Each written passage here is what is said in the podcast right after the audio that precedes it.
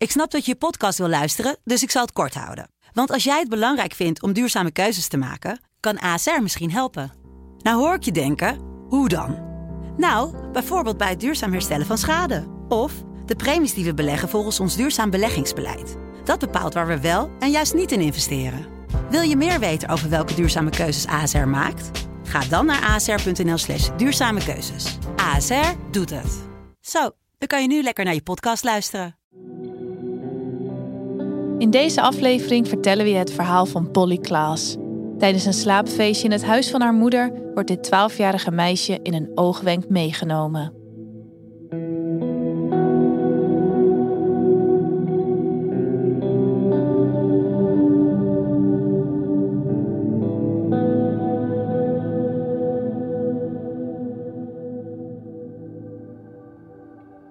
Je luistert naar onze podcast Ontvoerd.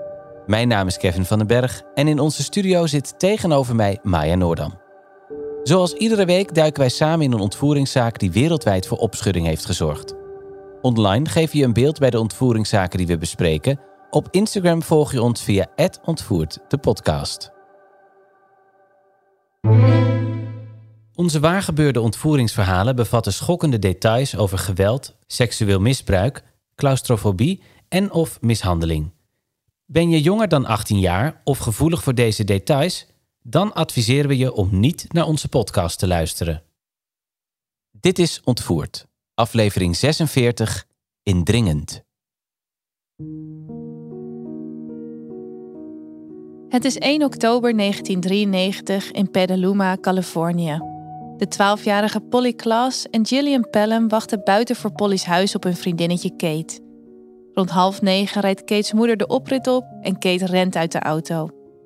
Het slaapfeestje waar ze zo naar uit hebben gekeken kan beginnen.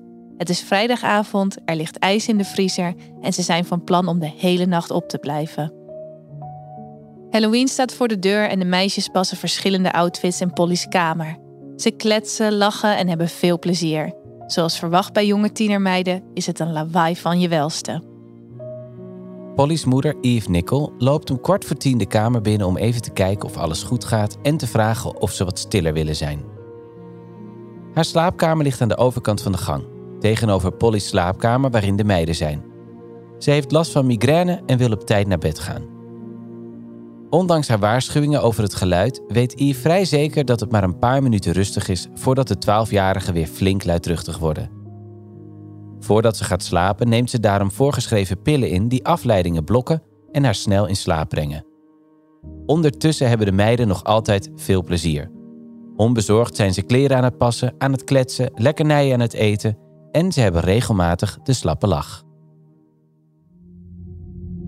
Dan is het half elf en opeens staat er een onbekende man in Polly's slaapkamer. Kate en Gillian denken eerst dat het een grapje is en dat Polly de man gewoon kent maar dit is niet het geval. Dan zien ze het mes dat de man vast heeft en de paniek slaat toe. De man zegt dat als ze schreeuwen of om hulp roepen, hij hun keel doorsnijdt. Hij bindt de meiden snel vast met stroken stof en begint vragen te stellen. Hij wil weten welke meisjes in het huis wonen en wie er nog meer aanwezig is in huis. Polly spreekt zich uit en vertelt dat het haar huis is en dat haar moeder aan de andere kant van de gang ligt te slapen. De meiden zijn doodsbang en huilen. De man verzekert ze dat hij ze geen pijn gaat doen. Hij is er alleen maar voor geld. Maar wanneer Polly hem vertelt dat er wat geld verstopt is in een juwelenkistje, doet hij geen enkele poging om het te vinden. In plaats daarvan knevelt hij de drie meisjes door tape over hun mond te plakken en haalt kussenslopen van een paar kussens die hij over hun hoofd plaatst. Vervolgens laat hij Polly opstaan. Hij zegt tegen Kate en Gillian dat ze tot duizend moeten tellen. Als ze daarmee klaar zijn, is Polly weer terug, volgens hem. De man en Polly verdwijnen uit de kamer. De meisjes tellen tot duizend, maar ze zien hun vriendinnetje niet meer terug. Polly is ontvoerd.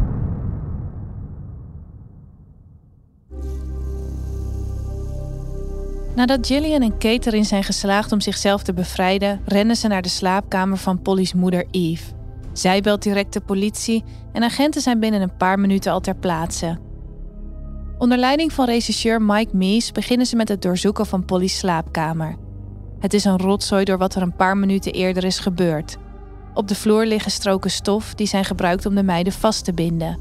De koorden van het Nintendo-spel zijn doorgeknipt, net als een riempje van een tas dat op de grond is gesmeten. Kussens en losse kussenslopen liggen verspreid over de vloer. Uiteindelijk zijn er slechts een paar zakken met bewijsmateriaal en dat is weinig. Regisseur Mies kijkt naar het vloerkleed en zegt tegen zijn partner Larry Pelt: Laten we het vloerkleed meenemen. Ik weet niet waarom, maar laten we gewoon het vloerkleed meenemen. We hebben gewoon niet genoeg bewijsmateriaal. Het is een bizarre zaak. In de veiligheid van haar eigen slaapkamer is een 12-jarig meisje meegenomen door een onbekende man, terwijl er twee vriendinnetjes aanwezig waren en haar moeder aan de andere kant van de gang lag te slapen. Ook is er weinig bewijsmateriaal waarmee de politie kan werken. Ze hebben dan ook dringend hulp nodig, die gelukkig onderweg is.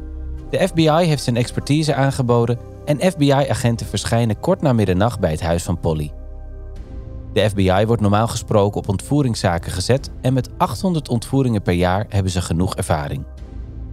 Ed Fryer krijgt de leiding over de zaak, omdat hij bekend is met de gemeenschap van Petaluma en veel ervaring heeft met ontvoeringszaken. Hij realiseert zich echter dat dit geen doorsneezaak is. Ontvoeringszaken door vreemdelingen zijn uiterst zeldzaam en ook veel moeilijker om op te lossen, omdat er geen verband bestaat tussen de dader en het slachtoffer. Het is een willekeurige handeling en er zijn vaak weinig aanwijzingen. Dus hoe vind je dan de dader? Ondanks het feit dat de man een onbekende was, wordt er toch onderzocht of er geen bekende betrokken is bij de zaak. Bij de meeste ontvoeringen gaat het om ontevreden familieleden, maar hoewel Polly's ouders gescheiden zijn, wordt haar vader Mark onmiddellijk uitgesloten van enige betrokkenheid. Het lijkt dus echt te gaan om een willekeurige ontvoering. Normaal gesproken zijn er dan heel weinig aanwijzingen, maar in dit geval heeft de politie natuurlijk twee getuigen, Kate en Gillian. Een tekenaar van de politie wordt gebeld om een schets te maken van de man. Gillian en Kate proberen zich het gezicht te herinneren van de man die de slaapkamer binnenstormde, maar ze zijn nog steeds vreselijk overstuur. Desondanks slagen ze erin om de tekenaar een redelijk goede beschrijving te geven, waardoor de autoriteiten nu een eerste idee hebben van hoe de ontvoerder van Polly eruit ziet.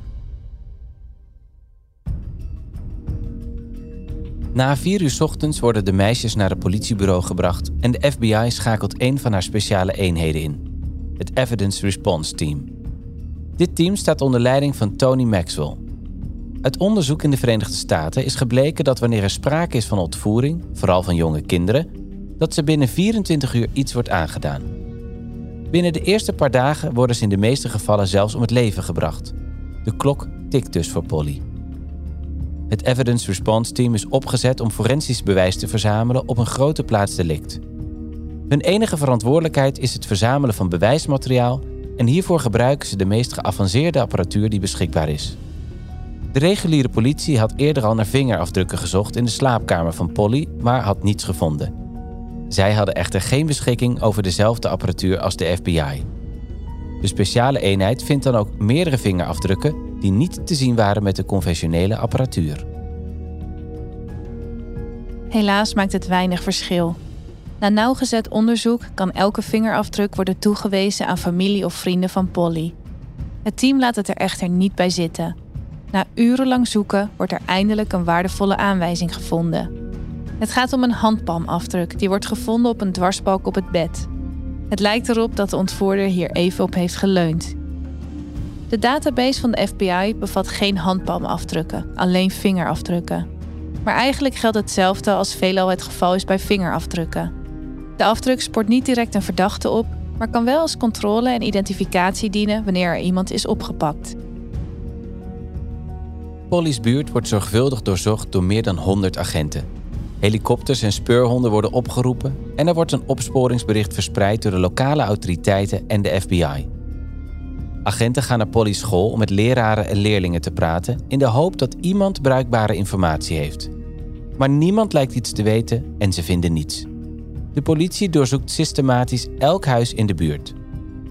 In tweetallen vragen agenten iedereen in de omgeving of ze iets verdachts hebben gezien de avond ervoor. En dan blijkt dat verschillende mensen zich herinneren dat ze een vreemdeling in de buurt hebben gezien die voldoet aan de beschrijving van Kate en Gillian. Zo vertelt Thomas George dat hij en zijn vrienden die avond rond 9 uur op weg waren naar de videotheek toen hij een vreemdeling in de schaduw voor Polly's huis zag staan. Thomas kent iedereen in zijn buurt, maar hij had deze man nog nooit eerder gezien. Toen ze een paar minuten later thuis kwamen, zagen de jongens dat de man er nog steeds was. De beschrijving die Thomas geeft komt overeen met de verdachte waarnaar de politie op zoek is. En Sean Bush speelde videogames met een paar vrienden die in een klein huurhuisje direct achter Polly's huis woonden. Het was ongeveer half elf toen Sean toevallig uit het raam keek. Hij was verrast toen hij een vreemde man zag op de veranda aan de achterkant van Polly's huis. De man leek richting de achterdeur te bewegen. Ook zijn beschrijving komt overeen met die van de verdachte. Andere buurtbewoners hebben soortgelijke verhalen, maar niemand had op dat moment besloten om de politie te bellen. De zoektocht naar Polly Klaas groeit uit tot de grootste klopjacht van het land. Er wordt een enorm vrijwilligersnetwerk opgericht in de gemeenschap om de autoriteiten bij te staan. Terwijl honderden burgers zoeken in de omgeving, verspreiden anderen zo snel mogelijk flyers door de hele stad. Er wordt een tiplijn geopend die 24 uur per dag bereikbaar is en waarvan de belangrijkste tips worden doorgezet naar de autoriteiten. Terwijl de politie doorgaat met het uitkammen van de buurt, start de FBI met hun standaardprocedure voor ontvoeringszaken. Nadat ze familie en vrienden hebben geëlimineerd als verdachten, concentreren ze zich nu op ex-gevangenen die in deelstaat Sonoma County als zedendelinquenten staan geregistreerd. Iedereen wordt zorgvuldig ondervraagd en onderzocht, maar het levert niets op. Geleidelijk breidt het zoekgebied zich uit naar omliggende provincies zonder resultaat. Ook de FBI heeft nog geen enkel spoor.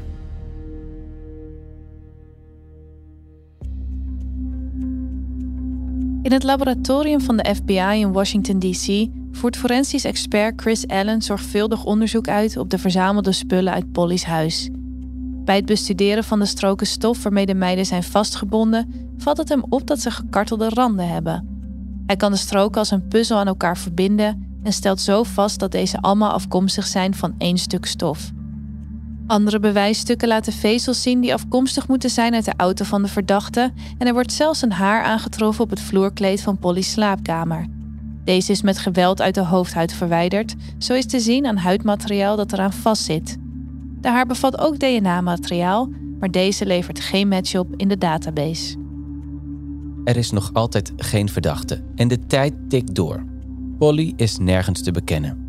48 uur na haar ontvoering krijgt haar vader Mark een telefoontje. Het meisje aan de andere kant van de lijn klinkt als Polly. Ze vertelt dat ze ergens in een hotelkamer zit en dat ze alleen kan bellen omdat haar ontvoerder even is weggelopen. Ze heeft weinig tijd. Dan wordt de verbinding verbroken. Het is het eerste sprankje hoop in twee dagen. Maar helaas, omdat Marks telefoonlijn niet wordt gemonitord, kan de politie niet herleiden waar de oproep vandaan kwam. Ze kunnen alleen maar wachten op een volgend telefoontje. En Mark wordt inderdaad een tweede keer gebeld en dan is de FBI er klaar voor. Net als de vorige keer is er een meisje aan de andere kant van de lijn te horen die klinkt zoals Polly. Ze zegt dat ze maar kort kan praten voordat ze weer moet ophangen. Het is echter lang genoeg voor de FBI om de oproep te traceren naar een huis op zo'n 50 kilometer verderop. Er is niet genoeg tijd om een leger aan agenten te verzamelen, dus de klus moet worden uitgevoerd door een klein team. Eenmaal aangekomen op locatie lijkt er iets niet te kloppen. Het is een normaal familiehuis en binnen is er geen spoor te bekennen van Polly of haar ontvoerder. Pas wanneer agenten een van de meisjes in het huis ondervragen, wordt er duidelijk wat er is gebeurd. Het meisje bekent dat zij degene is die de telefoontjes heeft gepleegd. Vrienden van school hadden haar uitgedaagd om te bellen en te doen alsof ze Polly was. Het hele incident was een vrede grap geweest. Het heeft niet alleen veel tijd en geld gekost. De enige indicatie dat Polly misschien nog in leven is, is zojuist in rook opgegaan. Het is inmiddels half oktober, twee weken na de ontvoering van Polly, en Kate en Gillian worden opnieuw naar het politiebureau gebracht om nogmaals een beschrijving te geven van de man die Polly heeft meegenomen. Een veelgeprezen forensisch tekenaar wordt ingevlogen om een tweede schets te maken. De meiden zijn minder gestrest dan op de avond zelf en zijn daarom in staat om haar meer details te geven over de man. Deze tweede schets is dan ook veel nauwkeuriger en wordt direct via nieuwe flyers verspreid. Actrice Winona Ryder, inmiddels onder meer bekend van de serie Stranger Things, komt uit dezelfde woonplaats als Polly en looft een beloning uit voor 200.000 dollar voor informatie die leidt tot Polly's terugkeer. Dan komt er een telefoontje binnen bij de politie.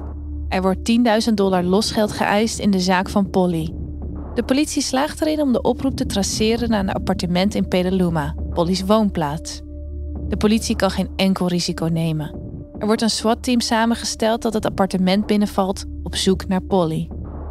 Maar helaas, opnieuw zijn de autoriteiten en Polly's familie in de maling genomen. In het appartement wordt de 20-jarige James Hurt gevonden, die zich voordeed als Polly's ontvoerder. Hij wordt gearresteerd wegens poging tot afpersing, maar het maakt verder geen verschil in de zaak van Polly. Het is een verpletterende klap voor iedereen. Op 17 oktober wordt er in de San Francisco Examiner een brief gepubliceerd die Polly's ouders aan haar ontvoerder schreven. Er staat in: Wie je ook bent, waar je ook bent, breng Polly terug naar haar familie. Ze hoort hier. We missen Polly zo erg. We missen de twinkeling in haar ogen en haar lieve humor. We verlangen ernaar om haar mooie glimlach te zien en ook haar muzikale stem te horen. Ook richten ze zich tot Polly. Onze lieveling, als je dit kunt lezen, weet dan dat je mama en papa zoveel van je houden en dat we naar je blijven zoeken totdat we je weer veilig in onze liefdevolle armen kunnen houden. In het hele land worden spandoeken opgehangen om aandacht te vragen voor Polly's verdwijning en er wordt een waken bij kaarslicht georganiseerd. Duizenden deelnemers dragen lavendelkleurige linten, Polly's lievelingskleur, om hun steun te betuigen aan de zoektocht. De politie is nog altijd actief met een 24-uursoperatie. Overdag en s avonds, op zonnige en regenachtige dagen, op ieder moment van elke dag wordt er naar Polly gezocht. Telkens wanneer er nieuwe informatie binnenkomt, wordt er direct gereageerd. De zoektocht stopt nooit. De marine- en reddingsdeskundigen sluiten zich aan bij de duizenden vrijwilligers die eveneens voortdurend op zoek zijn. Iedereen werkt onvermoeibaar door, maar Polly is nog altijd spoorloos.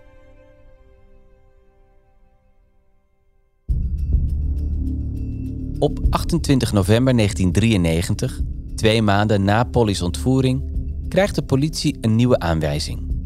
In Sonoma County wordt de politie opgeroepen bij het huis van Dana Jeffy, aan het einde van een lange, bochtige weg. Dana was haar stuk land aan het inspecteren toen ze iets ongewoons opmerkte en dacht dat het misschien van nut zou zijn voor onderzoekers. Ze leidt de sheriff door het dicht bosrijk gebied naar een open plek op slechts een paar meter van de lange, kronkelige oprijlaan naar haar huis. Verspreid op die plek ligt een paar opmerkelijke items. Ze vinden onder meer een groot stuk zijden stof, een paar stroken stof en verpakkingstape. Ook treffen ze een vastgeknoopte panty voor jonge meisjes aan met een menselijke haar verstrikt erin. En dat op het land van Dena, op een plek die verboden is voor onbevoegden. Dana herinnert zich de nacht dat ze een indringer op haar terrein betrapte, niet ver van waar ze nu staat met de sheriff. En ze begint te vertellen. Het is bijna twee maanden eerder. Dana's babysitter Shannon Lynch is net vertrokken bij Dana's huis en rijdt terug over de lange oprit. Halverwege de oprit ziet ze een man naast zijn gestrande auto. Hij stopt Shannon's auto, vertelt haar dat hij vastzit en staat erop dat ze uitstapt en hem helpt. Shannon voelt meteen dat er iets niet klopt aan de wild uitziende man. Ze besluit daarom om niet uit te stappen en snel door te rijden naar de dichtstbijzijnde telefooncel. Die vindt ze ongeveer drie kilometer verderop en ze haast zich om Dana te bellen. Ze waarschuwt haar voor de enge man die zich op haar terrein bevindt. Dana verspeelt geen seconde. Ze pakt haar dochter en een honkbalknuppel, stapt in haar auto en rijdt de oprit af. Ze ziet inderdaad de auto waarover Shannon haar had verteld maar de vreemde man is nergens te bekennen. Dana rijdt verder het stadje in en belt de politie. Even na middernacht komt de politie dan opdagen. Dana legt uit dat ze niet per se wil dat de indringer wordt gearresteerd, maar dat ze vooral wil dat hij van haar terrein verdwijnt. De agenten doorzoeken het terrein en vinden de man die opgewonden lijkt te zijn.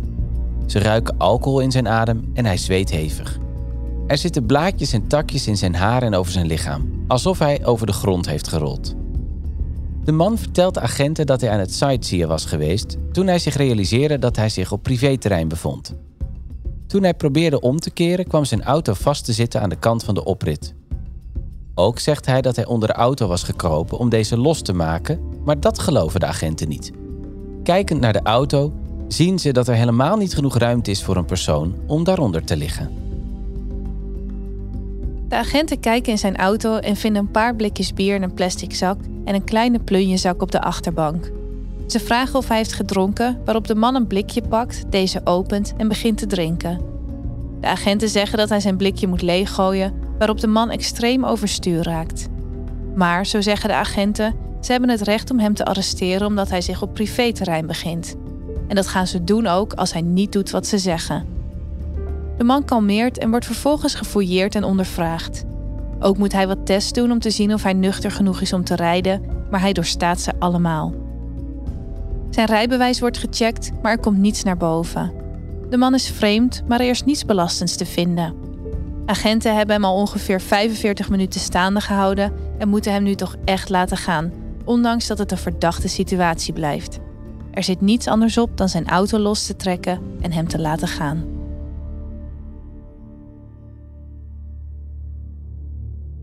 Dat was twee maanden geleden, op de avond van Polly's verdwijning.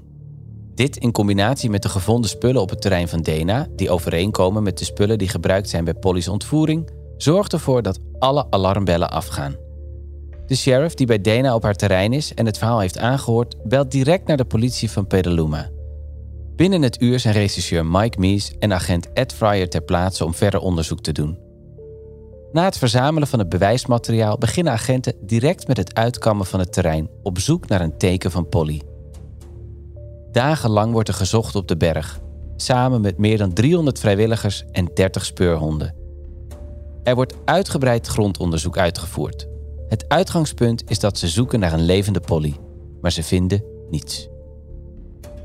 Tegelijkertijd krijgt de politie van Sonoma County het volledige rapport over het incident dat plaatsvond op het terrein van Dana Jeffy. De man die was ondervraagd door agenten blijkt Richard Allen Davis te zijn. Zijn strafblad laat zien dat hij in 1976 werd gearresteerd wegens diefstal, ontvoering, mishandeling en poging tot verkrachting. In 1978 werd hij opnieuw opgepakt voor een nieuwe ontvoering en een paar gevallen van mishandeling met een dodelijk wapen. In 1984 werd hij veroordeeld voor ontvoering, gebruik van een vuurwapen en een gewapende overval. Davis is onlangs voorwaardelijk vrijgelaten van een gevangenisstraf van acht jaar. Zijn politiefoto komt overeen met de beschrijving die Kate en Gillian hebben gegeven en het blijkt dat zijn moeder in Petaluma woont, de woonplaats van Polly. Dat gaf hem reden om op die plek te zijn. Alle puzzelstukjes lijken op hun plaats te vallen.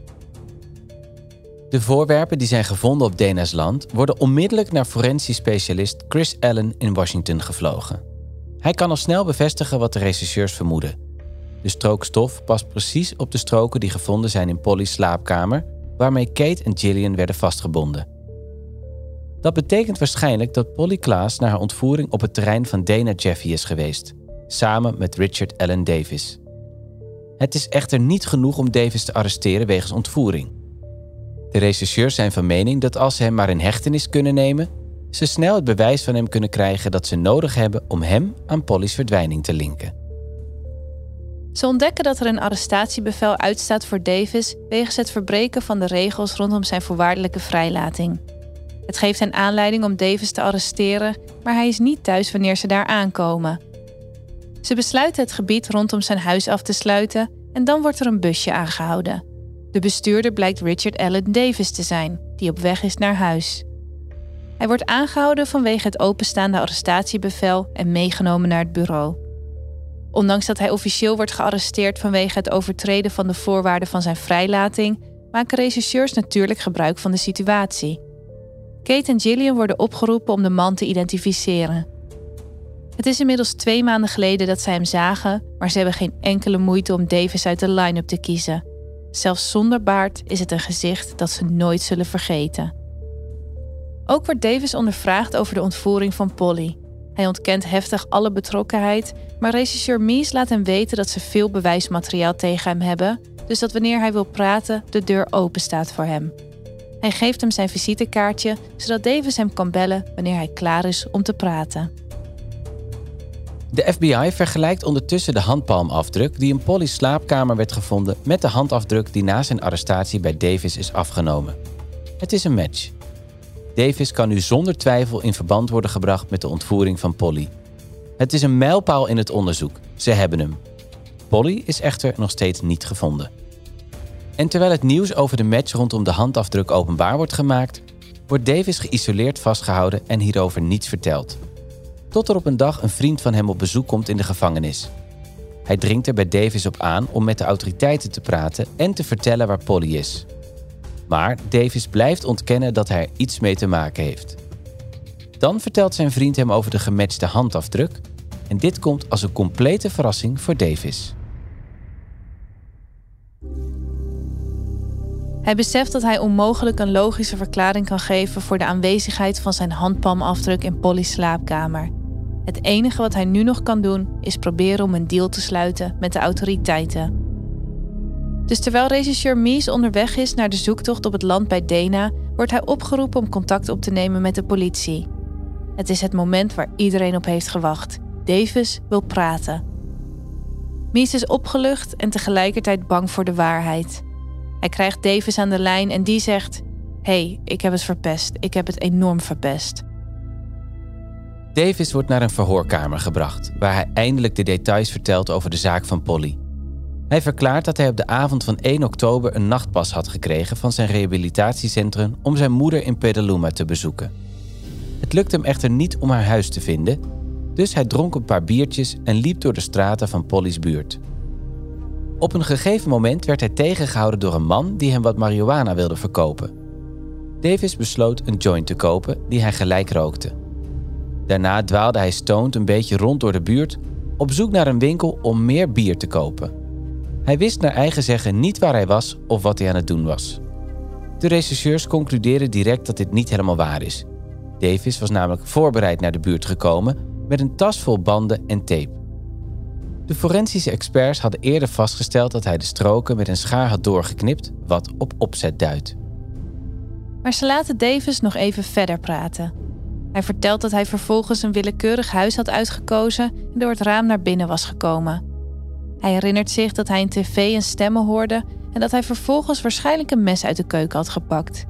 Daarna herinnert hij zich niets meer, zo beweert hij. Het eerstvolgende wat hij zich wel kan herinneren is dat hij in zijn auto reed en tot zijn verbazing een jong meisje naast hem zag zitten. Ze klaagde dat haar handen tintelden, dus hij verstelde de banden die hieromheen waren gewikkeld. Vervolgens reed hij rond terwijl hij zich afvroeg wat er was gebeurd en wat hij moest doen. Daarna reed hij van de weg af en kwamen ze vast te zitten met zijn auto. Toen hij zich eenmaal realiseerde dat hij echt niet meer los kon komen, haalde hij Polly naar eigen zeggen uit de auto en tilde haar een paar meter verderop een steile helling op. Hij was van plan om haar achter te laten in de duisternis, totdat hij een manier kon bedenken om de auto los te krijgen. De rest van Davis' verhaal over wat daar op het land van Dena gebeurde, komt overeen met de getuigenverklaringen van de agenten die hem staande hielden. Het blijkt dat ten tijde van de gebeurtenis het bericht over Polly's ontvoering werd verspreid via de politieradio's, maar de agenten waren afgestemd op een andere radiofrequentie. Ze hebben daarom het bericht niet gehoord. Ze hebben Davis destijds natuurlijk om zijn rijbewijs gevraagd, maar met de apparatuur die ze op dat moment hadden, konden ze alleen wat informatie inzien over zijn rijgeschiedenis. Zijn strafblad, met daarop zijn veroordelingen voor ontvoering en het uitstaande arrestatiebevel, konden ze niet ophalen. Davis vertelt dat hij zich herinnert hoe de agenten zijn auto lostrokken en hem naar de snelweg begeleidden. Vervolgens wachtte hij 15 of 30 minuten en keerde hij terug naar de plek om Polly te zoeken. Tijdens het rijden realiseerde hij dat hij van haar af moest komen. Hij bekent dat hij Polly Klaas vervolgens om het leven heeft gebracht. Davis stemt ermee in om agenten naar de plek te brengen waar hij haar lichaam heeft achtergelaten. Het is midden in de nacht, maar inspecteurs voelen de behoefte om het verhaal van Davis te bevestigen en willen niet wachten tot het aanbreken van de dag. Davis leidt ze naar een veld vlakbij een verlaten houtzagerij. Daar, onder wat planken, vinden agenten het levenloze lichaam van Polly Klaas.